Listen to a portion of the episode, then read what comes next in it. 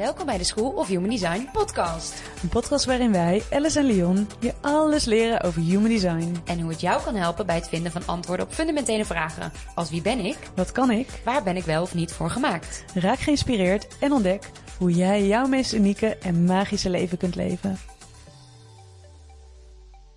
Welkom bij de zesde aflevering van onze podcast. Ja, welkom. We vinden het echt super leuk dat je weer luistert. Ja, echt mega leuk. We hebben ook mega leuke reacties binnengekregen. Ja, echt steeds meer hè? Ja, van mensen die zich helemaal herkennen in een, uh, in een human design. Ja, en in een type. En, ja, uh, not self team ja, waar we het er vorige keer over hadden. Zeker, ja. Dus uh, keep coming. Laat ons vooral weten wat je, wat je van de aflevering vindt.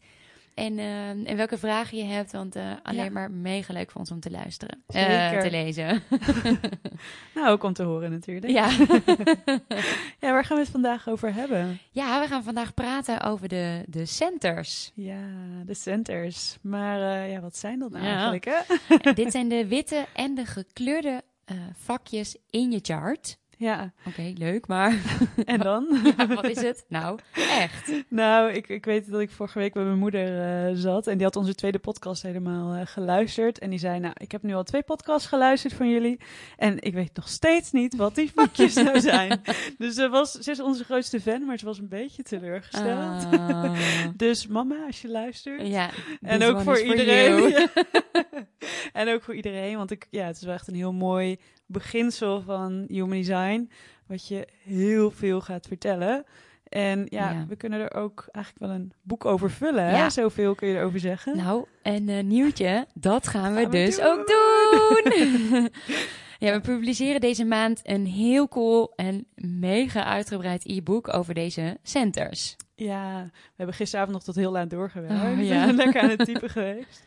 Ehm, maar ik moet zeggen, ik word er wel echt heel blij van. Ja, ja dit wordt wel echt heel tof. Ja, Ja. Dat ik echt aan het werk ben en denk, dit wil ik delen met de wereld. Ja. Dat moeten mensen gaan leren, Ja. want dit is zo leuk. Ja, want waarom zijn deze centers dan speciaal zo leuk? Waarom zijn deze centers zo belangrijk? Ja, ik zei het al een klein beetje natuurlijk. Het is de basis van human design. Hè? Eh, het bepaalt ook onder andere je type, je strategie en je autoriteit.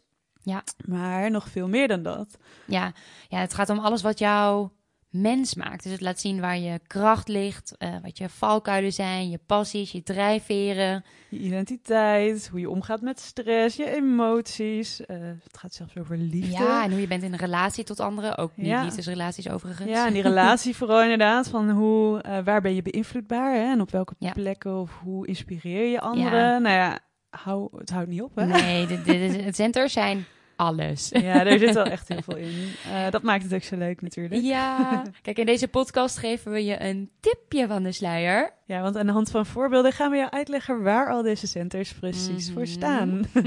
maar eerst even terug, hè? Want wat zijn centers nou eigenlijk? Ja, wat zijn centers?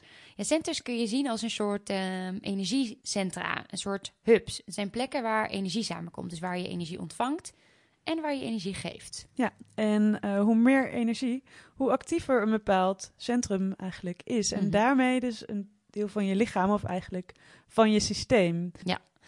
Elk centra staat voor een bepaald thema. Ja. Dus bijvoorbeeld intuïtie of emoties of jouw identiteit. Ja, eigenlijk heel uiteenlopend. Hè? Dus Ja. eh, alles wat je kunt meemaken als mens, dat zit er eigenlijk wel Ja, in. wat je kunt ervaren zit Ehm, hierin. Ja, en dat is ondergebracht gebracht onder eh, zo'n centrum. En ehm, je hebt het denk ik al gezien, hè? die vakjes zijn soms gekleurd, maar Ja. soms zijn ze ook eh, wit. Kijk niet naar welke kleur overigens je ziet. Dus het Ja. kan geel zijn of bruin of rood of groen. De kleur maakt niet uit. Elk center heeft zijn eigen kleur. Maar Ja. kijk gewoon of het wit is of een kleur heeft. Precies. En als het een kleur heeft, dan is het eh, ingekleurd of dan is het wel gesloten. Ja. En eh, als het wit is, dan is het een open centrum. Ja. Dus dat zijn even belangrijke termen die je moet onthouden, want die kom je de hele podcast weer tegen. Ja. Ja, is een center eh, gesloten, gekleurd dus, Ja. dan is de energie in het center heel constant. Dus altijd aanwezig. Ja, dus eigenlijk een plek waar jij wat meer je, jezelf bent. Hè? Dus daar Ja. kun je eigenlijk altijd op vertrouwen. Ja. Eh, maar soms ben je daar ook misschien wel een beetje inflexibel. maar daar komen we straks Ja. uitgebreid op terug. Ja. Ja, en een open center daarentegen, dan sta je letterlijk open. Je wisselt ene- energie uit met, met je omgeving. Ja, het is soms dan best wel lastig inderdaad om te bepalen van wat is nou van mij en wat is van die ander. Ja. Ehm, maar ja, je kunt daar ook heel veel verschillende dingen ervaren en verschillende ervaringen op doen. Ja. Kijk, en dat is heel leuk. Uh, Ja. Superleuk zelfs. we hebben allebei redelijk wat over, open centers, dus daar kunnen we over meepraten. Maar ja, soms is dat ook best wel een beetje verwarrend. Ja. Nou, laten we gewoon onze chart erbij pakken. We lopen de centers langs en dan wordt vanzelf veel meer duidelijk. Ja. Ja, zullen we dan bovenaan gewoon beginnen? laten we bovenaan beginnen bij het hoofd en het Asna Center. Oh ja, ja die kunnen we mooi samenpakken inderdaad. Ja. Uh, want ze werken ook gewoon samen. Ja, ja samen vormen deze twee eigenlijk je, ja, wat we noemen je mind. Het gaat om je gedachten, je ideeën en je meningen. Ja, ze hebben alleen wel net iets andere werking. Ja. Uh, want je hoofd gaat echt over uh, het opdoen van inspiratie. Hè? Dat wil alles weten. En ja. ja. het wordt wel een beetje vergelijk met een wandelende antenne. Ja. Dus die de hele dag eigenlijk op zoek gaat naar informatie en nieuwe dingen. Ja, het is grappig. Als je naar je chart kijkt, dan zie je ook dat het hoofdcenter net iets buiten je lichaam staat. Dus dat puntje van het center oh, ja. um, staat buiten je lichaam. Ja. Dus dat geeft ook heel erg aan dat je al die inspiratie en ideeën van buiten Echt van buiten haalt. Ja, ja, naar binnen haalt. Ja, je downloadt het eigenlijk als ja, het ware ja, een beetje. klopt. Je bent de hele dag informatie aan het downloaden met je hoofdcenter. Ja. Ja, ja. dat is wel mooi inderdaad. En als je dan doorgaat naar de Ashna, die zie je daar direct onder. Ja, die gaat dan vervolgens weer over het verwerken van al deze informatie en van al deze data die je hebt binnengekregen. Ja. ja, die probeert het echt te structureren en uh, te analyseren. Ja. Ja, ik vind het ook wel grappig, want ik heb uh, voordat ik uh, nou ja, deze kant op ging met human design ging werken, heb ik ook gewerkt met uh, data scientist onder andere. Ja. En ik herken het ook heel erg van, ik zie het hoofd echt een beetje als een ruwe dataset inderdaad, waar alle gegevens eigenlijk gewoon maar binnenkomen en die heel erg gevuld wordt, maar wat wel een beetje ongestructureerd is. en die Ashna is dan eigenlijk vervolgens je script of datgene wat je er overheen laat gaan, ja. om al die data een structuur te geven en om er uiteindelijk echt iets mee te kunnen doen. Ja, precies. Leon en ik hebben allebei de beide centers open, dus allebei wit. Ja. ja, en dat betekent dat wij gewoon super, super open-minded zijn. Heel letterlijk. uh, ja, vind je ons open-minded? Ja, ik vind ons wel open-minded. Denk het wel, hè? Ik denk dat wij heel erg openstaan voor inspiratie, voor heel veel verschillende ideeën. Ja. Uh, we vinden ook heel veel verschillende dingen wel interessant om te horen. Ja, dat ook vooral, hè? Ja, ja. ja heel veel verschillende interessegebieden. Dat, ja. dat klopt zeker. Ja. En wat inderdaad ook nog wel een kenmerk is van mensen met een open asna is uh, dat je niet heel erg uh, judgmental bent. Dus dat je niet heel snel een oordeel klaar hebt of heel snel uh, of hele vaste overtuigingen nee. eigenlijk hebt. Hè? Nee, we hebben niet Ehm, altijd zo'n hele sterke mening over dingen. Nee, dat, dat hebben we allebei minder, denk ik, Nee, inderdaad. Dus Ja. we, we hebben wel een mening, maar het is niet dat die heel erg vaststaat misschien. Of dat we heel, Nee.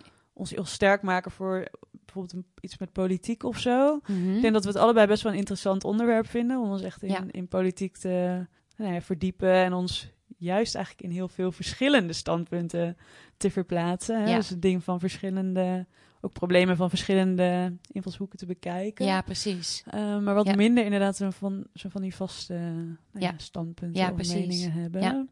Ja. Wat ook heel kenmerkt is voor een open center is... ehm, eh, ja, je moet het eigenlijk een beetje zien als een spons. Dus je neemt alles op wat voorbij komt. Ja. Maar inspiratie komt en gaat. Jij staat niet altijd, altijd aan. Mhm. Maar jij kan van buitenaf wel de druk voelen om altijd aan te staan. Om altijd alles Ja. te moeten weten of altijd alles te moeten begrijpen. Ja, dat is best wel een lastig inderdaad wat je zegt. Omdat je het echt, het komt echt van buitenaf. Dus je hebt Ja. dan misschien niet direct, nou ja, we noemen politiek als voorbeeld. Het kan een onderwerp zijn waar je zelf eigenlijk niet zoveel interesse in hebt. Maar omdat anderen het er om je heen veel over hebben. Of Ja. allemaal echt een sterke mening daarover hebben.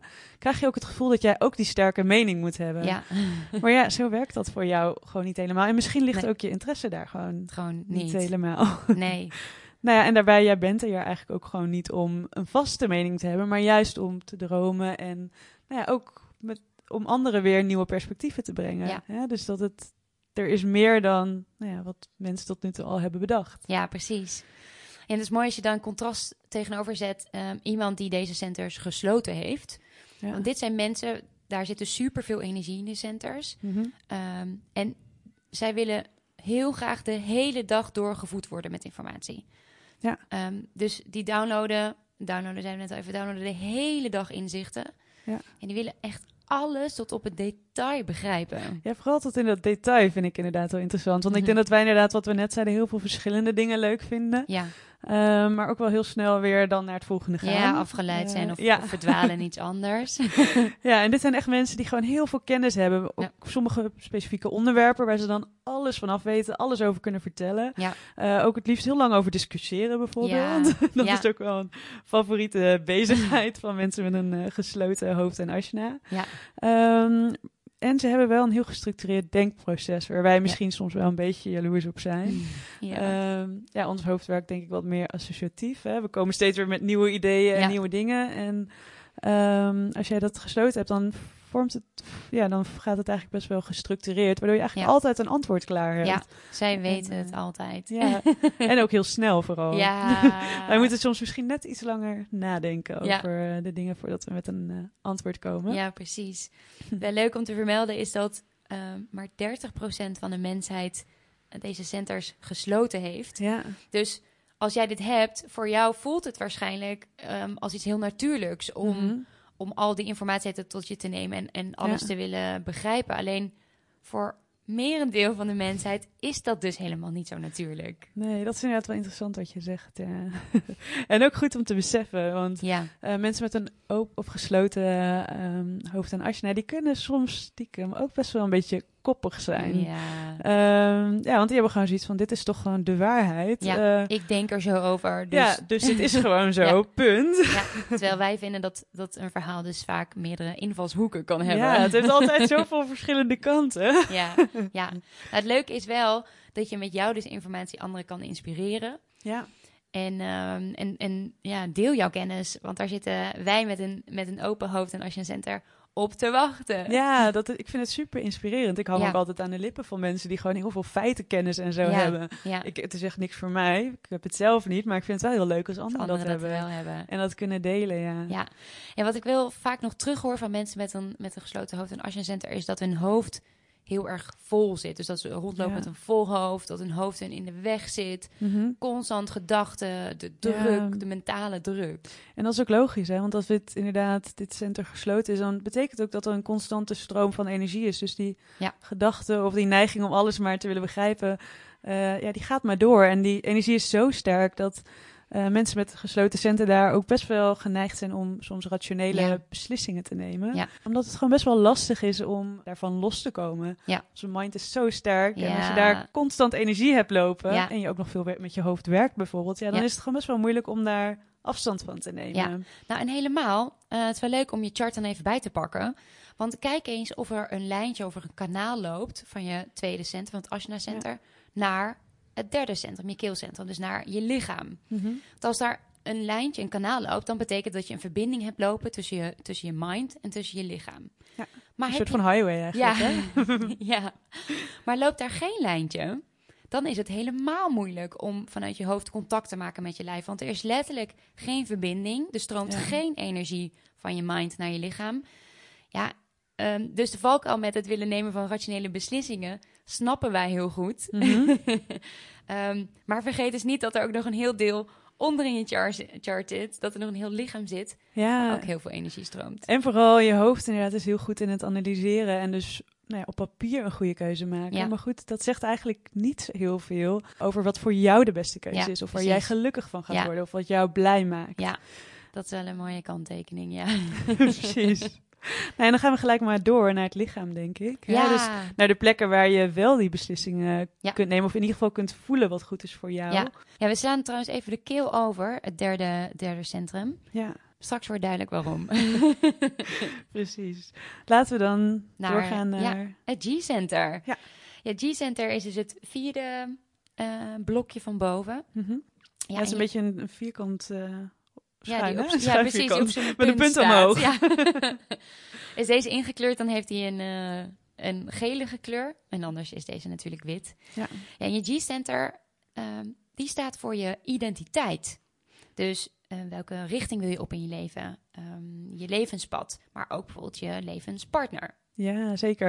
Het gaat over je identiteit, je richting en liefde, inderdaad. Ja, Uh, maar dat is een bijzonder soort liefde. Want het is niet alleen maar de liefde voor nou ja, een medemens of een partner, inderdaad. Maar vooral de liefde voor jezelf of nou ja, voor anderen, voor de mensheid, Mensheid, voor het ja. leven. Ja. Spiritualiteit of spirituele liefde uh, Ja, ja, zit dat hier zit ook, ook hier, uh, hierin. in. En ook, dus toch wel een stukje inderdaad ook liefde. Als je hart wordt gebroken, ja, dan voel je dat ook hier. Ja, in dit centrum. in dit centrum. Ja, het is het centrum wat ehm, eigenlijk alles ja, bij elkaar houdt. Ja, inderdaad. Hè? Want al die verschillende centers, zoals we net al zeiden, die staan allemaal voor een thema. Dus heb je Ja. ergens wel of geen dri- drive voor, heb je ergens wel of geen eh, energie voor. En nou ja, dat brengt je eigenlijk in allerlei verschillende situaties en aanraking met allerlei verschillende mensen. Ehm, maar ja, de rode draad daarin, dat ben jij. Dat is Ja. jouw kern. Dus ja. je neemt zoveel verschillende rollen en identiteiten aan in het leven. De ene keer ben je moeder, de andere keer eh, ben je partner, dan werknemer. Nou ja, noem maar op. De hele dag door heb je verschillende rollen.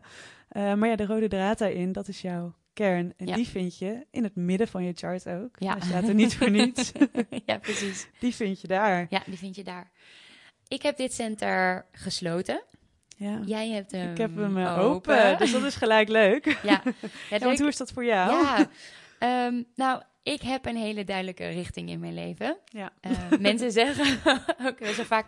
Oh, wat fijn dat jij gewoon weet wat je wilt. Mhm. Het is gewoon een heel duidelijk beeld van, van wie ik ben. Niemand kan er ook iets aan veranderen. Elke keuze die ik maak Nee. past ook goed bij me. Mensen zeggen ook vaak... Oh, dat is typisch Alice. Maakt ook niet uit wie je naast je hebt ook vooral, denk Nee, ik. nee, precies. Maakt niet uit waar ik ben of met wie ik ben. Ja. ik ben altijd heel erg, ja, mezelf. Maar ja, ik ben altijd gewoon heel erg mezelf. Dat Ja. is heel herkenbaar voor mij, maar ook voor anderen. Ik zie nu ook het plaatje voor me inderdaad dat jij ehm, in Amsterdam loop je met je jeans altijd rond. Het is echt een jeansmeisje, maar Ja. als we op het strand in Mexico zijn, dan heb je ook nog steeds het liefst gewoon je jeans aan. gewoon altijd en overal. Dat is Ja. toch wel. Het is gewoon heel herkenbaar. Ja, echt wel. Ja. Ja. Nou ja, bij mij is dat precies Ja, anders. voor jou werkt het anders, hè? Voor mij werkt dat wel een beetje anders, ja. ja. Ja. het lijkt mij echt wel heel fijn om dat wat meer eh, Mhm. te hebben. Nou, ik heb dat dus niet. en als ik naar mezelf kijk... ehm, ja, dit center gaat echt om je identiteit. Hè? Dus wie ben jij of Ja. hoe am I? Nou, die, eh, die vraag heb ik voor mezelf echt tot aan het eh, bittere einde uitgespeeld. ik heb er ongeveer 30 jaar over gedaan ja, om daarachter te komen. En op een gegeven moment weet ik voor mezelf dat ik... ehm, toen was mijn beste antwoord was... Elke keer dacht ik, ik ben dit. En elke keer op het moment Ja. dat ik het dan wist of dacht door te hebben van mezelf, dan was ik weer wat anders. nou, en toen kwam ik erachter van, oh, ik ben steeds iets of iemand anders. ja, Eh, en dat verandering eigenlijk de enige constante in mijn leven was. Nou ja, dat was een beetje toen het hoogst haalbare voor mij om het onder woorden te brengen. En eh, ja, Human Design heeft me daar ook heel erg bij geholpen. Dat heeft ja. Mij in ieder geval heel erg heel veel rust gegeven in het feit dat het constant verandert. Ja. Dat ik letterlijk ja, gewoon elke keer weer iemand anders ben. Ja. En eh, ja, dat, dat heb je dus met een open G-center. Dan, Ja. Dat noemen ze ook een beetje een vloeibare identiteit. Ja. ja, je bent gewoon constant een beetje anders. ja, precies. En het lastige is dat in deze maatschappij vaak wordt verwacht dat je een hele duidelijke identiteit hebt. Ja, je moet ergens voor staan, het moet duidelijk zijn wie je bent. Alleen door je zijn kwamen wij er ook achter dat die, die pressure van buitenaf, Mhm. ja, dat het eigenlijk helemaal niet terecht is. Nee, ja, het voelde voor mij echt alsof er iets mis met mij... Als in, ik heb dit nog niet ontdekt of zo. Of Ja, ik ja. weet dit nog niet. En het voelde als iets verkeerd, inderdaad. Ja. Terwijl ik er niet direct misschien last van had. Maar het voelde wel als van, ik ben nu 30, ik moet het wel een keer weten. Ja, ja. Eh, maar ja, zo werkt dat blijkbaar Zo, voor, nee. voor mij gewoon niet. Nee, en ze gaat ook wel een beetje met relaties, hè? Ja. Want dat werkt voor jou ook ja, wel heel anders. ook anders. Ik ben eigenlijk nooit actief op zoek naar een man. Eh, naar de droomman, de man die bij me past, waar ik gelukkig mee word. Ik heb heel erg een vertrouwen, oh, die komt wel. En ja, er zijn genoeg relaties geweest. En ehm, ik denk ook niet dat ik per se heel veel alleen ben geweest. Maar ik ben, ja, no- ik ben nooit op zoek gegaan of zo. Dus voor mij voelt het heel erg, ik weet wie ik ben, ik Mhm. weet waar ik voor sta. Nou, en die man die daarbij hoort, die, die komt, Komt vanzelf wel. wel. Ja, inderdaad. En daar werd ook heel vaak over gehad. Dat ik dan weer een dating app had geïnstalleerd en zei... Huh, maar waarom doe jij dit nooit? Eh, en ik denk dat het voor mij... Dat is trouwens een bijkomend ding. Dus wat je zegt over dat vertrouwen is wel mooi dat je dat Ja. altijd hebt gehad. Ik heb Ja. echt wel eens momenten gehad zo van... Oh, maar waar vind ik diegene dan? Ja, Of wie past er dan bij mij? Bestaat iemand die dan al die verschillende versies van mij... die daarbij kan horen? Of, nou ja, Ja. die verwarring heb ik zeker wel eens gehad. Maar daarnaast heb ik ook wel tijd gehad waarin ik mezelf dus nog heel erg aan het uitvinden was. En eh, dat dit me ook heel erg heeft geholpen. Dus het was Ja. voor mij ook veel meer een zoektocht naar mezelf. En nou ja, gebruikte wil ik niet zeggen, dat klinkt een beetje negatief. Maar eh, daten, of in ieder geval nieuwe mensen om, ontmoeten. eh, Ja, dat was voor mij wel, omdat je daarin, eh, dat is voor mij heel erg een manier, en, en zo werkt het ook een beetje met een OPG-center. Dus je pikt eigenlijk van alles wat op Ja. en je identificeert je er letterlijk mee. Dus Ja. je, nou ja, je bent gewoon even zoals die ander, bij wijze van. Ja. Eh, en daardoor kun je heel veel verschillende identiteiten aannemen en overal wat van leren. En zodoende leer je uiteindelijk iets Ja. over jezelf. En nou ja, zo heb ik daten achteraf. Ik, heb, ik Mhm. had dat toen niet door. Ik dacht gewoon dat ik het leuk vond en heel nieuwsgierig was Mhm. vooral. Zo zag ik het altijd. Van, ik ben gewoon nieuwsgierig steeds naar nieuwe mensen, nieuwe personen. Maar voor mij was het ook wel echt een manier om mezelf beter te leren kennen. Ja. Ja, precies. Dus het is goed om te beseffen als we het hebben over G-Center, dat als deze gesloten is, heb je een hele, hele herkenbare identiteit. Ja. Eh, ja, je weet gewoon precies wat er bij je past en wat niet. Je voelt dat ook en- aan. Ja, dat voel je goed aan. Maar is het center open, dan kun je de ene dag een hippie zijn. Kun je de, de volgende dag een gothic zijn. Ja, en daardoor weet je, weet je dus, leer je dus heel goed Daardoor inderdaad, ontdek je uiteindelijk eh, ja, ja, waar je het het fijnst bij voelt en wat echt jouw plek is. Ja, en dus de mensen en de situaties die je om je heen verzamelt, dat is misschien een belangrijk punt. Dus de- het is heel belangrijk om de juiste mensen om je heen te hebben. Omdat je je echt een beetje identificeert daarmee. Ja, moet je, je wil je eigenlijk niet met verkeerde mensen identificeren. Nee. Want jij wordt ook een klein beetje zo. Ja, precies. Dan gaan we door naar het volgende center en dat is het hartcenter. Dit noemen ze ook wel het ego-center. Ja, ego is niet zo'n heel eh, favoriete term. Nee. Het wordt vaak ook een beetje beg- verkeerd begrepen. Hè? Ja. Eh, maar eigenlijk is je ego niet verkeerd. Eh, het zorgt gewoon, het maakt jou jou en het eh, gaat over je eigen waarde. Ja. Ehm, ja, het, het is eigenlijk een, een deel in jezelf wat echt voor jou opkomt. Hè? Ja. Het, is, eh, het zorgt echt voor jou en eh, Ja. het geeft ook jou een bepaalde wilskracht of Ja. een bepaalde drive in Ja, je leven. Het maakt dat je dingen nastreeft, dingen die jij heel graag wil, Ja, het is het ik. wil Ik bereiken. vind het belangrijk. Ja, ja, precies. Ja. En mocht je nou denken, ja, nou, eh, dat ego, daar wil ik toch eigenlijk wel graag een beetje vanaf. Mhm. En mocht je daar nog heel erg je best voor doen. nou, doe maar niet. nee, Sterker nog, je kan niet eens helemaal van je ego afkomen, want het is gewoon echt onderdeel ja. van wie je bent. ja, je hebt het nodig, want zonder je ego ben jij niemand. Nee. Want dan ben je, zijn we allemaal hetzelfde, allemaal Ja. liefde. En Ja, als je niks meer hebt na te streven, nee, dan... ja, wat, waarvoor ben je hier dan? maar ja, wat je wel kunt doen natuurlijk, is je er een beetje van bewust worden. Want Ja. je ego kan je ook wel een beetje klein houden soms. Ja, Eh, ja, en daar gewoon een klein beetje om lachen. ja precies. Heel, heel veel zelfs. dat is het beste. hey, heb jij dit center eigenlijk open of gesloten? Ego, ja, die heb ik open. Oh, ik, Ik, heb, geen ego, toch? Weet nee. je. Jij hebt hem eh, wel, nou, hè? ik heb hem dus wel eh, gesloten. Een gesloten hart eco-center. eh, Mhm. Ja, dat gaat heel erg over je wil presteren. Ja. Je wil laten zien wie je bent en waar je voor staat. En dat mag ook als dit center gesloten is. Want je hebt gewoon ook de energie. Dus het hele center is gevul- gevuld met energie. Je hebt de energie Mhm. ook eh, nou, wat te doen om te laten zien wie je bent, ja, eh, waar je voor staat. En dat kan gewoon van alles zijn, hè? Ja. Ja, Het mag eh, geld, eh, geld verdienen zijn. Ja. Of eh, nou ja, als jij heel erg graag status wil nastreven. Als het iets is wat ook... of zelfs fame. Ja, dat be- bekend worden inderdaad. Hè? Dat, dat mag allemaal. Het hoeft niet sociaal wenselijk te zijn. Nee. Het zijn wel minder mensen die dit hebben. Hè? Ja, volgens mij ongeveer mm, zijn we met ongeveer 30 procent. Ja, Ah, ja. Ja, hebben wij ongeveer.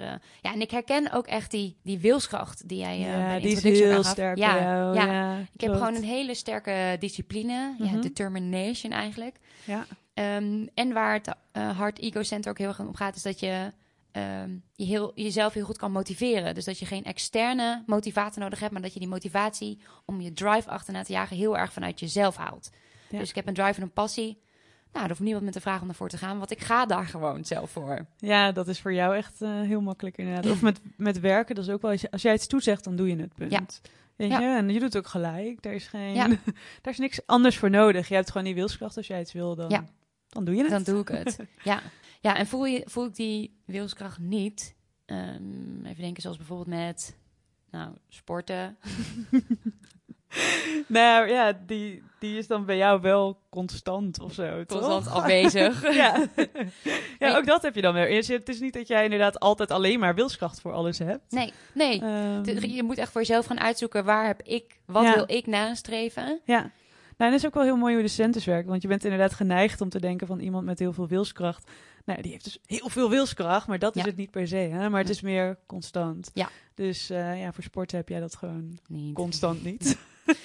Maar ik ben wel benieuwd hoe dat werkt voor jou met een open center. Nou ja, sport heb ik toevallig wel, want die vind ik gewoon leuk. Ehm, nou ja, en in het algemeen natuurlijk ehm, voor nou ja, dingen als diëten bijvoorbeeld. Ehm, ik weet niet of ik dat zelf direct herken. Ik heb niet heel veel verschillende diëten geprobeerd in mijn leven. Maar wat veel mensen met een open hartcenter wel herkennen, is dat je nou ja, ergens vol enthousiasme aan begint, maar dat het heel moeilijk is om dat vol, te, houden, inderdaad. Ja.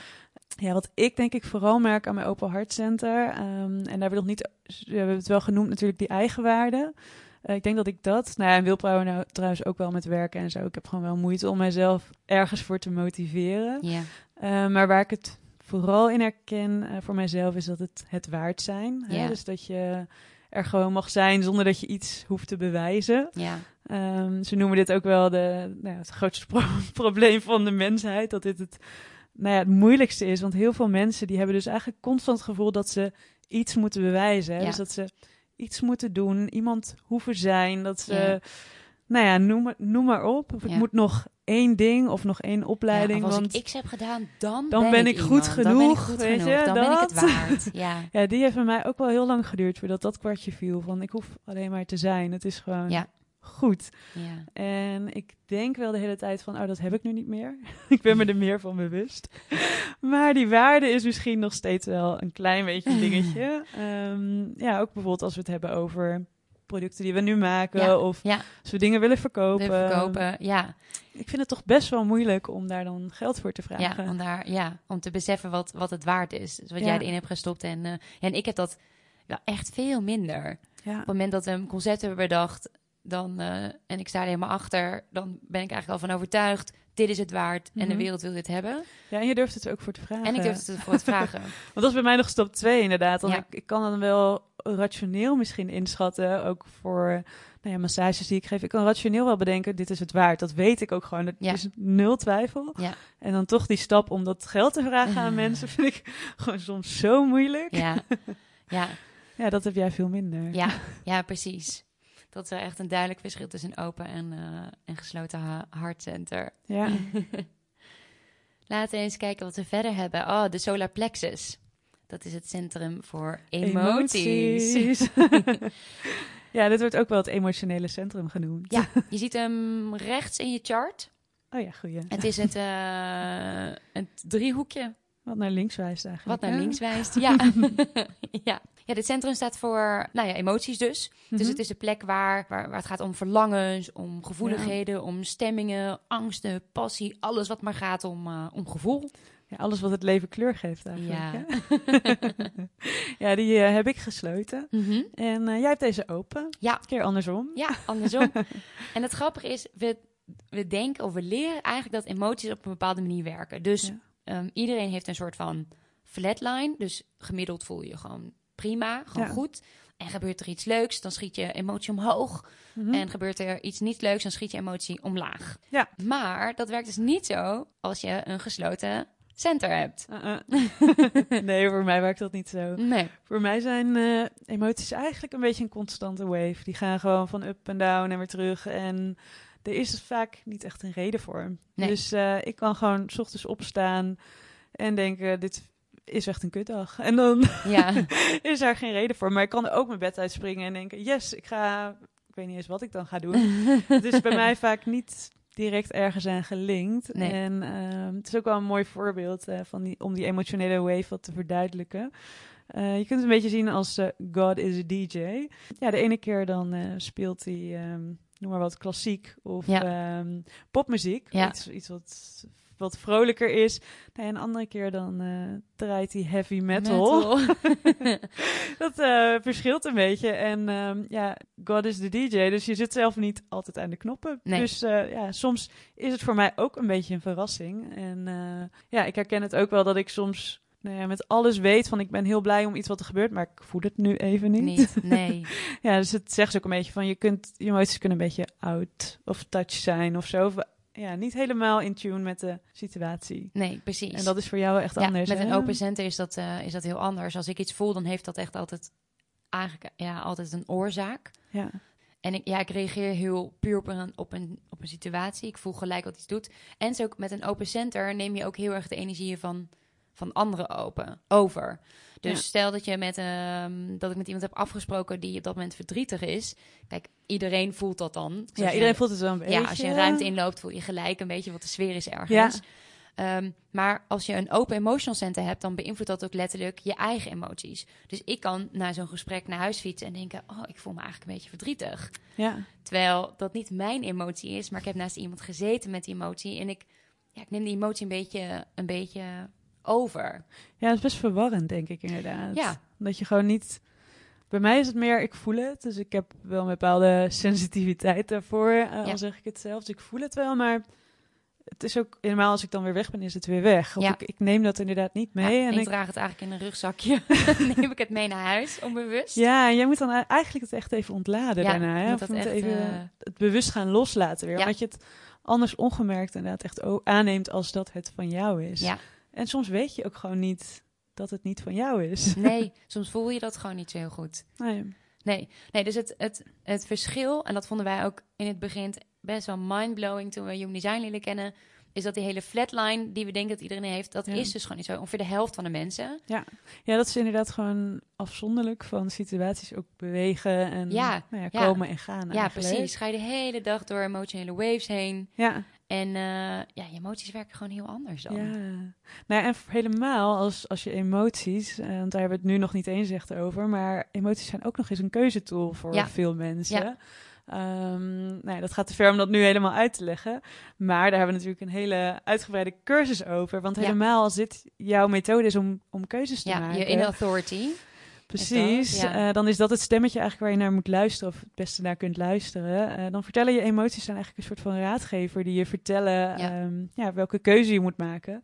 Nou, en als je dan niet snapt waar die emoties vandaan komen of je kunt ze niet onderscheiden, Mhm. dan is dat natuurlijk super lastig. Ja, Ehm, nou ja, maar daar hebben we natuurlijk een hele cursus Ja. over. we zetten de link in de show notes. Altijd. Een ander heel interessant centrum is het spleencenter, je mild. Ja. Ja, je mild gaat over je immuunsysteem, je instinct ja, en je intuïtie. Intuïtie. Ja. ja, intuïtie over of iets goed of slecht is voor jou om te overleven. Eh, het is eigenlijk direct gekoppeld aan je fysieke gezondheid, je veiligheid, maar ook aan, ja, lekker in je vel zitten en, En je, je goed, goed voelen. voelen. Ja, precies. nou dat doen we allebei. Ja, we hebben allebei dus het center gesloten. Ja, precies. Nou ja, dat zegt natuurlijk niet iets dat, dat wij ons altijd goed voelen, inderdaad. Nee, Maar een Ehm, gesloten center zegt wel dat je in de basis goed eh, aanvoelt wat wel of niet goed voor je is. ja. Kijk, en de voorwaarde daarbij is wel dat jij ja, je lichaam goed kent, dat je in contact staat met je, met je lijf. Ja, want als je inderdaad, zoals in het begin, als je de hele tijd in je hoofd zit, ja, dan ga je dat stemmetje van je intuïtie Nee, Echt niet horen. Nee. eh, helemaal niet, omdat het echt best wel een zacht stemmetje is. ja, het is een heel zacht stemmetje wat aangeeft of een situatie wel of niet veilig voor jou is. En Ja. of eten bijvoorbeeld wel of niet eh, goed, voor, jou is. Ja. Ja. Ja, en het is handig om te beseffen dat de spleen, of eigenlijk je intuïtie, alleen maar in het moment werkt. Ja, in het moment is het een zacht stemmetje dat aangeeft of je iets wel of niet moet doen. Ja, eenmalig. Eén keer. Ja. ja, overschreeuw deze stem dan ook nooit met gedachten. Eh, want het duurt namelijk maar negen Ja. seconden voordat je mind al is geneigd om deze intuïtie onderuit te halen. Eh, en dat klinkt misschien nog een beetje vaag, maar misschien kunnen we het aan de hand van een voorbeeld, Voorbeeld. even verduidelijken.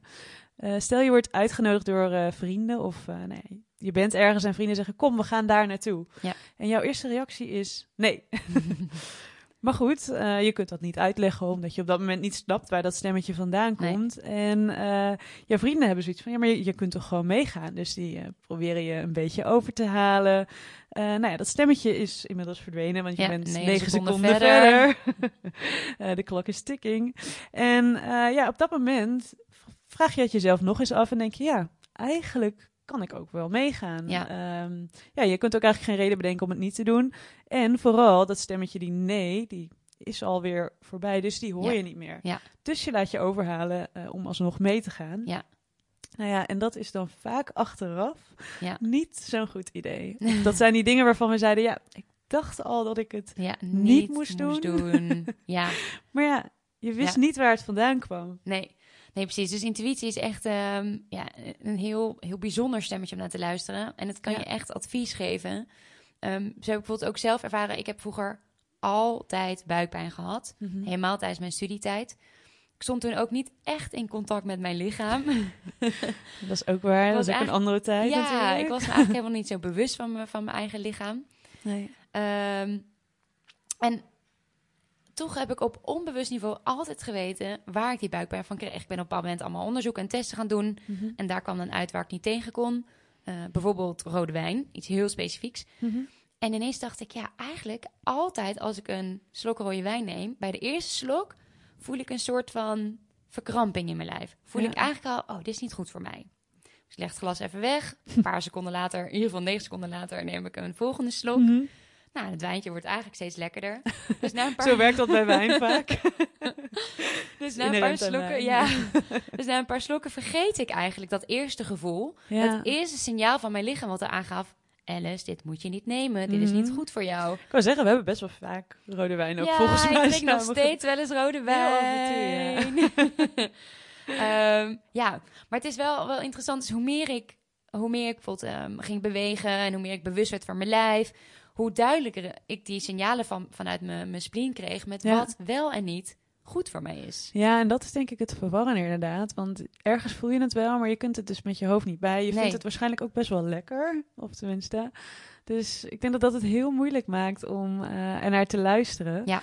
Uh, maar ik denk dat dit ook gelijk het, het meest bijzonder is aan je intuïtie. En ook wat eigenlijk, dus als je het omdraait, is dat ook um, waardoor je weet dat het je intuïtie is. Dus als Ja. je twijfelt waar een stemmetje vandaan komt, vaak als je het niet kunt uitleggen, Ja. dan zit je goed. Dan zit je goed. dus dat maakt het dan ook wel weer makkelijker of zo als je het omdraait. Ja. Um, Ja, en hoe werkt het dan voor mensen met een open center? Kijk, want het wil Ja. niet zeggen dat jij niet intuïtief bent. Laten we dat ook gelijk eventjes uh, uit, de wereld, uh, uit de wereld halen.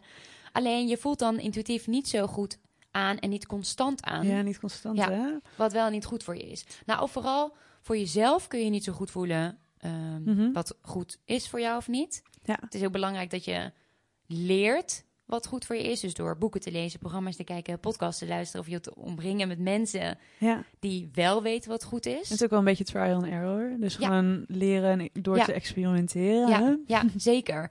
Maar wat jouw intuïtie dus wel kan, ehm, is andere situaties goed inschatten. Ja, en het is juist heel sterk eigenlijk een open center Ja. om ehm, bijvoorbeeld in te schatten eh, of het met anderen goed gaat. Hè? Ja. Dus eh, juist ook veel healers en artsen bijvoorbeeld, die hebben juist een open center, omdat ze haar fijn weten aan te voelen wat Ja. er bij die ander niet klopt in, ja, in het systeem van die ander Ja. eigenlijk, hè? Ja. in het lichaam. Ja, precies. Eh, of waarom die ander zich niet goed voelt. ja, want met dat open center pak je intuïtief ja, dus ideeën van anderen op. ehm, bijvoorbeeld ook angsten. Dus angsten dat ze niet Ja. veilig zijn of niet gezond zijn. Ja, dat is ook wel een dingetje inderdaad. Dus als je een open center hebt, kun je ook best wel veel angsten Ja. eigenlijk van anderen oppikken. Hè? Ja, ja. Ehm, Ja. En soms kan het je dus ook helpen. Dus dat je op basis van die angsten ook aanvoelt dat een bepaalde situatie onveilig Veilig is. is. Dus bijvoorbeeld dat je ineens het signaal krijgt, stap niet in dat vliegtuig. Ja. We kennen alle verhalen van, van mensen die een ramp hebben overleefd... omdat ze niet het vliegtuig in zijn gestapt. Ja. Of stap niet in die auto. Ja. Ja, dus het is, ehm, het is een super interessant center. ja, ook daar kun je een boek over vullen. over je intuïtie. Ja, Eh, maar dat gaan we maar niet doen, hè? Dat we maar snel doorgaan. het volgende center is de sacral. ja, Ja, dat is het eh 1, 2, 3, 4, vijfde center van boven. Het is het, het Eh, ronde. ene het enige- de ene onderste. en het enige center wat, dat valt eigenlijk nu pas op, wat rond is. Ja, ja dat is Ja. zo. en je sacral, je sacral staat voor levensenergie. Ja, Het is de energie om eh, te werken, te bouwen, te creëren, te groeien, te ontwikkelen. ja, te ontwikkelen. Maar ja, het staat ook voor seksuele energie. Ja. Ehm, en eigenlijk letterlijk voor het voortzetten van het leven. Ja. Dus eh, dat hoeft niet alleen maar in creativiteit te zitten of in het maken van een kunstwerk, maar ook gewoon letterlijk in voortplanting, Voortplanting, ja. of vruchtbaarheid. Ja, precies. Jouw center is eh, open. Ja, Mijn center is gesloten. gesloten. Ehm, en daardoor zien we eigenlijk ook gelijk dat wij twee verschillende eh, Types. types zijn. Mhm. Want alle manifesting generators en generators, die hebben een gesloten sacral. Ja. Want dat is echt onze energiemotor, dus die werkmotor. Ja. Eh, 's ochtends worden we wakker met de opgeladen batterij. Mhm. Overdag moeten we al die energie lekker opmaken. Wel heel belangrijk dingen doen die we leuk vinden, die Zeker. bij ons passen. Anders gaat hij twee keer zo hard leeg. Ja, ja vier keer zo hard. ja. Ehm, ja, en s'nachts als we slapen, dan laat deze batterij weer op. Ja. ja, het is echt een werkenergie hè, voor die, eh, die jullie hebben. Ja, Ehm, ja, ik heb dat niet. We grappen ook wel eens. Alice is gemaakt om te werken. Ja, ik Ja. ben dat gewoon niet. ietsjes minder. ja, want, iets minder. eh, ja. eh, ik kan het wel. Eh, wij kunnen heel hard werken, maar eh, dan pieken we gewoon keihard. Dus ehm, ik ben een manifester, maar Ja. ook eh, projectors en reflectors hebben eh, deze motor eigenlijk niet. Nee. En eh, vooral de projectors, dat zijn echt wat meer de denkers. Hè? Dus die zijn hier ook niet om eh, nou ja, een bijdrage te leveren door heel hard te werken, maar meer in de zin van kennis of nou ja, andere visies op het leven. Ja, Nou ja, mijn type een- manifester die eh, is wat meer om te initiëren. Dus wij kunnen heel erg dingen opstarten. Dus we hebben heel veel heel krachtige energie om even kort aan te zetten. Ja. Ehm, maar ja, niet omdat het is niet heel sustainable en het is dus vooral niet constant. Dus dingen als van 9 tot 5 werken, ja, dat is aan ons Mm. gewoon echt niet besteed. Nee. oh, en dan ook nog even over die, eh, ja, die seksuele, seksuele energie die de sacral Altijd een eh, leuk onderwerp ook. Met een gesloten sacral heb je een hele constante seksdrive. Deze hoeft niet hoog of laag te zijn. Nee, dat zegt, daar zegt het Dat, eigenlijk eh, niks daar over. over. niks over, maar wel over dat het heel constant is. Ja, Ehm, dus je zult merken dat je altijd... ehm, een bepaalde ja, constante drive hebt, toch? ja, ja, precies. Altijd Ja. ongeveer evenveel zin, Ja. even vaak zin. Ja. Eh, maar met een open Echt sacral- meer gedurende het leven ook, hè? Dus Ja. natuurlijk heb je de- gedurende de maand kunnen de hormonen of... Nou ja, als je echt heel erg in je hoofd zit met gedachten, Ja. dan kan het er natuurlijk Ja. wel eens eh, nou ja, tussen staan. Ja. Ehm, maar in principe gedurende je leven heb jij een vrij constante drive. Ja. En heb je nou een open eh, sacral center, ja, dan kun je af- afhankelijk van eigenlijk de partner of de personen of de situaties waarin jij bent, nou ja, een hele hoge drive hebben. Maar je kunt ook fases kennen in je leven van maanden of jaren waarin Ja. je misschien een hele lage drive Ja, die hebt. drive helemaal niet zo voelt. Nee, want met een, met een open sacral neem je dus de, ehm, de energie van anderen op. Ja, Eh, dus je past je gewoon heel makkelijk aan aan de situatie. Dus het ligt er inderdaad maar net aan wie je tegenover je hebt staan. ja. en welke... ja, je kunt wat makkelijker op en eh, afschakelen ook weer, Ja. toch? Ja, precies. Ja, onderste centrum van je chart, dat is je root, het wortelcentrum. Ja. ja, dat is eigenlijk je basis. En je ziet het ook een beetje als je naar je chart Ja. kijkt. het is het enige, oh nee, niet het enige vierkante Nee, huis. Het Eh, onderste vierkant in De ieder geval. komen we zo nog. Ehm, maar ja, het staat daar wel gewoon lekker stevig Ja, op de grond. Ja. Ja. Inderdaad, ja. Nou, het is ook de plek waar je stabiliteit vindt en waar je je geaard kunt voelen. Dus dat komt wel overeen met wat je ziet. Klopt. ja, het is echt de plek waar je je rust vindt, hè? Ja. Ja, maar het is ook de plek vanuit waar je in beweging komt. Want hier ontstaan je ambities en je drive. Ja, ja en daarmee eh, reguleert dit centrum eigenlijk je adrenalinesysteem en je stresshormonen. Ja. Ja, en een beetje stress, ja, dat is eigenlijk essentieel om in beweging te komen, Ja. om je ambities waar te maken, om Ja. te gaan. Ja. Maar ja, te veel stress, juist Ja. vaak weer niet. Nee, dan kun je in een fight, flight of eh, freeze modus terechtkomen. Ja, ja, het is eigenlijk een beetje een thin line, hè? Tussen wel een beetje stress voelen, eh, zodat je wel nou ja, dingen voor elkaar krijgt. En eh, ook echt een motivatie of drive in het leven hebt. Maar tegelijkertijd ook weer niet te veel. Ja, want dat kan je hele systeem eigenlijk gewoon blokkeren. Wij hebben allebei dit center gesloten. Ja. Ze hebben een hele goede basis. Een hele stabiele basis. Een hele stabiele basis. Ja, en dat betekent dus wel dat wij... Ja, wij kunnen goed omgaan met druk en stress. Ja. Dus de regulering van de, van de adrenaline en de stresshormonen nou, is heel eh, regelmatig. Mhm. Ehm, het, ja, en, en een beetje stress, het motiveert ons juist. Ja, dus eigenlijk die druk komt echt eh, van binnenuit. Ja. Ehm, en dat is wel leuk, daar hadden we het net een beetje over. Je hebt een aantal motorcentra eigenlijk in eh, Human Design. Nou, die, eh, we zeiden dat willpower centrum, dat, dat zet je echt in beweging. Ja, dat is Heartcenter is dat. Precies, Ja. of je eh, bijvoorbeeld je emoties. Dan heb je een aantal motors. En nou ja, voor jou is dat ook vooral die sacral natuurlijk. Die, die levensenergie die ik dan niet heb. Maar ja, ik heb wel weer een bepaalde energie vanuit mijn root. En ik denk dat ik daardoor ook heel erg merk eh, bijvoorbeeld met deadlines, ik heb die echt nodig. Ja. Dus ik heb niet inderdaad die willpower of die constante energie om te werken. Nee. Maar als ik een deadline heb, ja, Ja, dan... Dan eh, krijg je een adrenaline stoot. ja, en ik stiekem, ik zet dat ook echt in. Ik wacht daar Ja. nu ook gewoon op. Dus ik heb eh, dit weekend heb ik een examen en ik ben nog steeds niet begonnen. Ik weet ook gewoon, waarschijnlijk ga ik nog één nacht van tevoren ga ik door. Het gaat ook nooit veranderen waarschijnlijk.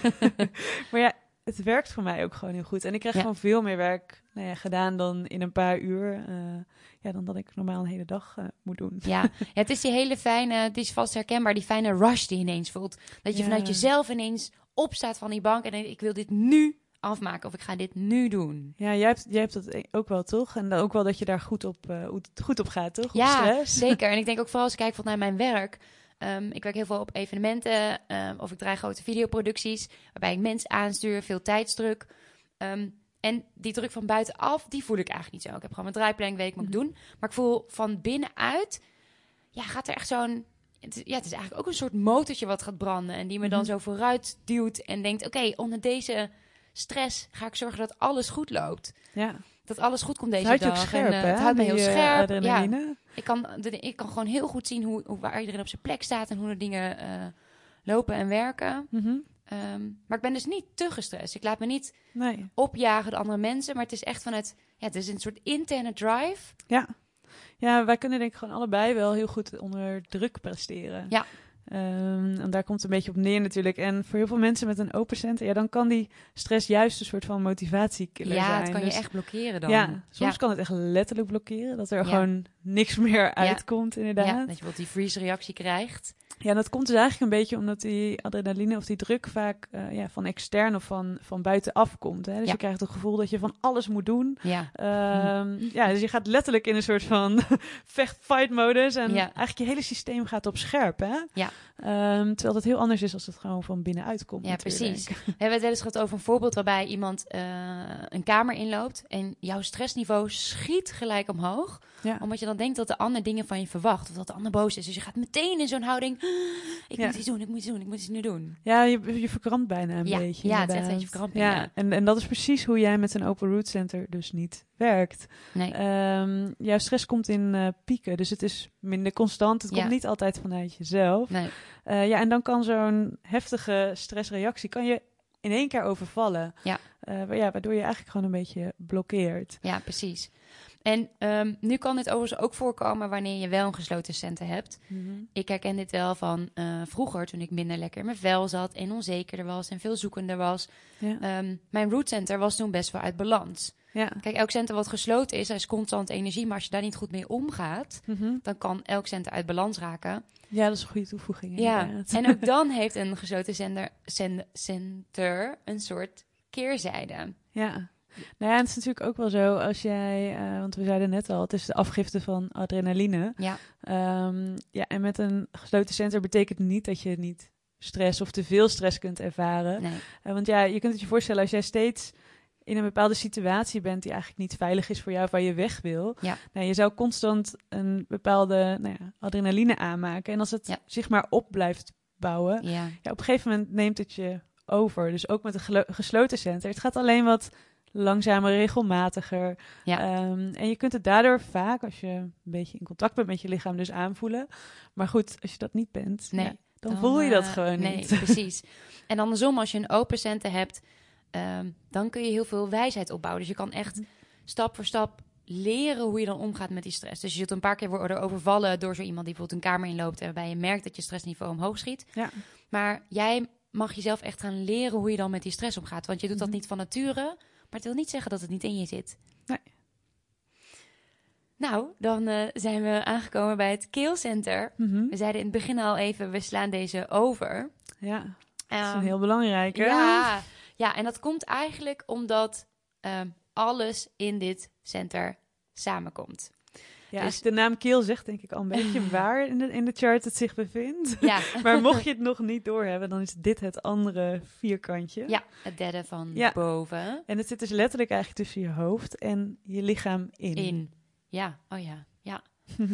Ehm, alles wat je voelt en wat je ervaart in al je andere centers, Ja. dat komt hier samen. Dat komt vanaf hier, door je keelcenter, komt dat naar buiten. Ja, vooral naar buiten inderdaad. En het wordt daarmee dus ook wel het kanaal van transformatie, manifestatie en communicatie Ja. genoemd. Het is eigenlijk de manier eh, waarop jij je laat zien aan de wereld. Kijk, je moet het eigenlijk zo zien. In je emotionele centrum voel je allemaal emoties. Ja. En in je sacral, daar voel je die sterke energie, die werkmotor branden. Nou, vanuit je root krijg je bijvoorbeeld die adrenaline stoot. Ja, Ehm, vanuit je hartcenter voel je een enorm sterke drive om dingen na te jagen. Maar al deze energie, die, die, ja, die borrelt daar dan eigenlijk, die wil naar buiten. ja, die wil naar buiten. ja, eh, ja, het is zo grappig inderdaad wat je noemt emoties. Maar heel veel mensen zien dat niet als een energie. Maar eigenlijk helemaal boosheid is hele krachtige Ja, er zit energie. veel energie achter. Ja, die je ook echt als manifestatiekracht Ja. kunt inzetten. Ja. Eh, en het kan eigenlijk op alle manieren zijn. Dus ehm, in de manier waarop jij je beweegt, hoe je je werk doet. Maar denk ook aan creativiteit. Dus nou ja, schilderen of schrijven. Ehm, het zit in zelfexpressie. Hè? Ook in eh, communicatie bijvoorbeeld. Dus de manier waarop je praat. Ja, en over dit communicatiestukje eh ontdekt aan Human Design iets, iets leuks. Want Ja. niet iedereen praat even makkelijk over alle onderwerpen. Ja. Kijk, en dit zorgt natuurlijk best wel eens voor wat eh, relatieproblemen. ja, ik denk dat dat de meest herkenbare is. Omdat je niet met elkaar over alles kan praten. Of het Ja. de ander verwijt dat hij of zij Niet over... makkelijk over zijn emoties Ja, praat. bijvoorbeeld. Waarschijnlijk het meest, het meest gehoorde probleem. Ja. Maar Human Design laat ons zien waarom dit zo is. Want de manier waarop je communiceert, dat is afhankelijk ehm, van het centrum of de centra waar je keelcentrum mee verbonden is. Ja. Ja, en als dan verbonden betekent eigenlijk dat er een kanaal loopt. Hè? Dus dat Ja. jij of een zwarte, een eh, onbewuste of een rode, een bewuste, ik zeg het nu verkeerd om. dus rood onbewust of zwart, Zwart bewust. Ja, Eh, dat je daar inderdaad een kanaal hebt lopen. Ja. En als dat inderdaad is afgemaakt, dus vanuit Ja. je keel naar een van de andere motorcenters, Ja. ja, dan moet je er maar eens op gaan letten. Maar waarschijnlijk is dat het onderwerp waar jij, of het thema waar jij het makkelijkst over praat. ja, precies. En waar je misschien iets mee moet doen. Ja, ja, ja, ja. Het leuke bij ons, jij hebt natuurlijk je, je emotionele centrum Ja. ehm, gedefinieerd en ik heb dat niet. Mhm. En er loopt een kanaal Ja. van het emotionele centrum naar het keelcentrum. Is ook mijn enige kanaal, moet ik zeggen hoor, naar, eh, naar mijn keel. Oké. Ja, dus ehm, Ja, en dat zou betekenen dat jij praat, het makkelijkst praat over gevoelens. Of ja. praat over dingen waar je je gevoel in kwijt kunt. ja, dat vooral denk ik. Dus praten over mijn eigen mijn gevoelens heeft nog best wel, maar goed, daar zit natuurlijk ook zoveel conditionering en dingen op. Ehm, ja, of nou, ik- trouwens, ik kan heel makkelijk over mijn gevoel praten. Eh, vooral als ik schrijf bijvoorbeeld. Ja. Ehm, maar ik vond het soms wel lastig om dat met anderen te delen. Maar goed, dan zit er ook wel een hele laag van dat ik bang was om die ander te kwetsen of eh, om iemand kwijt te raken. Nou ja, weet je, dat soort Ja. dingen. Ja, Maar over het algemeen merk ik inderdaad dat, wat jij zegt, is heel mooi over die emotionele kleur of dat gevoel. Ik leg overal wel gevoel in. Dus Ja. als ik het heb over, nou ja, maakt niet uit welk onderwerp het Ja. is, over eten, dan leg ik daar ook eerder een gevoel in dan dat ik het heb over hoe iets feitelijk. ja precies. Ik eh, noem jou voor de grap wel eens een beetje een eh, drama queen. Ehm, ja, het is pas sinds, eigenlijk sinds kort dat ik dit zo heb beseft, hè, dat we dit Ja. hadden, hadden Ja. uitgezocht. Ja. Maar ik moet zeggen dat mijn ouders eh, eigenlijk al van kind af aan eh, zeggen dat ik een beetje een drama queen kan zijn. Ja, kijk, want dat- wanneer je spreekt vanuit emoties, dan, ja, dan ben je dat eigenlijk ook, weet je. Want alles krijgt een emotionele laag. Ja, nou, en het grappige is dus ook wel wat ik merk als ik, ehm, als ik niet over emoties praat, dus over andere dingen, eh, meer feiten of dingen die, ja, die ik niet echt voel, laten we het zo zeggen. Ja, Eh, ja, dan krijgt mijn hele stem ook gewoon een heel andere toon. Het is veel vlakker. ja, Dus ik heb ook echt eigenlijk mijn hele leven gedacht van mijn stem is heel monotoon en heel vlak. Ehm, maar eigenlijk, nu ook met deze podcast, dan zijn het echt dingen die ik voel en die van binnen uitkomen. En dan ja. merk ik gewoon dat mijn stem ook verandert eigenlijk. Ja, wel leuk dat je het hebt over dat het anders klinken van je stem soms. Mhm. Want dit hangt ook af van of je center open of gesloten is. Dus je keelcenter. Ja. Kijk, over het algemeen is het zo dat je met een gesloten center een hele ja, duidelijke en constante manier van praten hebt. Je praat de hele tijd op dezelfde manier. Ja, Eh, met een open center is het niet zo. Nee, en dat heeft ook een voordeel, hè? Ja, Dus zeker. het is misschien wat minder constant. Je kunt er wat minder misschien op terugvallen. Maar eigenlijk hebben we juist veel eh, grote sprekers Ja. en open keelcentra. Ja. En dat komt omdat ze heel goed een toon of een ja, boodschap kunnen aanpassen aan hun publiek. Ja, Ze stemmen daar letterlijk op af. ja precies. Ze mengen er zelfs een beetje mee, energetisch. Kijk, nu hebben wij allebei een gesloten keelcenter. Eh, wat overigens perfect is om een podcast op te nemen. Ja. Omdat onze stem anders misschien alle kanten op zou, eh, zou springen. nou ja, dat kant op springen is wel een beetje zo. Want Ja, ja, want dat is wel, onze stem verandert wel. Op het moment dat we over dingen praten waar we of geen zin in hebben of geen Ja. energie voor hebben. ja, Of dus wat we kunnen terugkoppelen aan ons design. mhm. Als we merken dat er geen kanaal is tussen het keelcentrum of het thema waar, waar we het over hebben. ja, Ja, dan zit daar voor ons dus geen energie achter. Dan zit daar dus voor jou geen emotie achter. En dan. Inderdaad ehm, klinken we vlakker. klopt. Ja, ja, dus je, met je keel komt eigenlijk alles samen. Het is de manier Mhm. waarop jij laat zien aan de wereld ehm, ja, wie je bent. Het is de manier, ja, wat je al zei, de zelfexpressie. ja.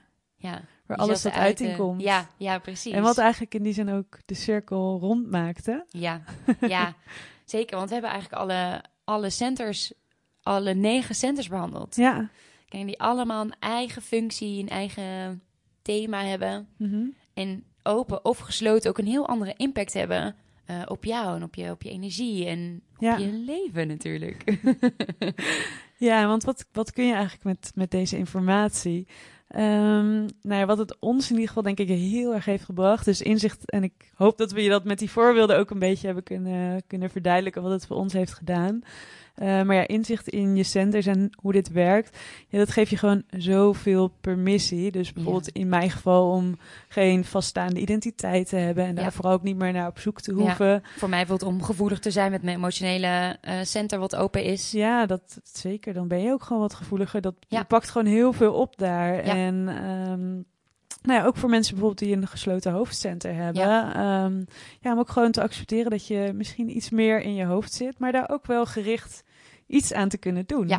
Ja, want het is niet zo, ik ben zo en nu kan het nooit meer anders. Nee, helemaal niet. Je bent dat is- zo, maar je kan er heel veel wijsheid uithalen. Je kan er Ja. heel veel van leren. Ja, en dat is inderdaad, want Human Design beschrijft alles wat er in jou aanwezig is. En Ja. het geeft eigenlijk gewoon aan van, dit is van nature geactiveerd. Hè, dat Ja. gaat je makkelijker af, dit gaat meer vanzelf. En we hopen echt dat je ook op die manier luistert. Want alles in Human Design en nou ja, alles ook als mens is te overbruggen met bewustzijn. Ja, Ja, en we hopen gewoon heel erg dat we jou met deze podcast daar nou ja, een stapje verder in eh, hebben kunnen helpen. ja, precies. Want de grootste levenslessen en uitdagingen, die zitten wel in deze centers. En dan met name in de open centers. Ja, ja, en dit was nog maar een tipje van de sluier Ja, natuurlijk, wat we nu hebben kunnen bespreken. precies. Kijk, en wil jij nou veel meer weten over de centers? En wil jij Ja. weten hoe je ze voor, voor je kan laten werken? Even een mini sales praatje hoor, maar dan Koop dan vooral Ja, ons e-book. We zetten een link in de show note. Ehm, dan kun je je vast aanmelden voor een mailtje. We sturen een mailtje zodra het e-book online staat. Dat zal binnen een aantal dagen zijn. Ja. Dus ehm, En ik moet zeggen, ik, we hadden het er net over, ik kan niet makkelijk dingen verkopen. Maar Nee. ik voelde echt de afgelopen dagen, en ik heb het jou ook al zo vaak gezegd, Ja. van die prijs moet omhoog, hij moet omhoog. Omdat ik hier echt wel zo blij van word. ja, en het ik, is zo ja, waardevol. Er zit zoveel in en eh, ja, ik weet zeker dat je heel veel aan gaat hebben. Ja, Dus, absoluut. eh, Wij gaan snel verder met het afmaken van dit boek. We hebben nog even wat uurtjes eh, door te werken. mhm, zeker, ja, we gaan door. Ja, Root volgens mij eh, gaat hier... Mijn Sacral staat al aan. Mijn Ja. Motor. En, Nou, ik eh, had hem gisteren van je overgenomen. ja, ik kon al bijna niet slapen, dus ik ben volgens mij nog op tot één uur eh, doorgegaan. energie. Op jouw motor, denk ik. ja. En Ja. dan eh, nou, tot de volgende aflevering. Ja, tot de volgende aflevering. Doei. Doei.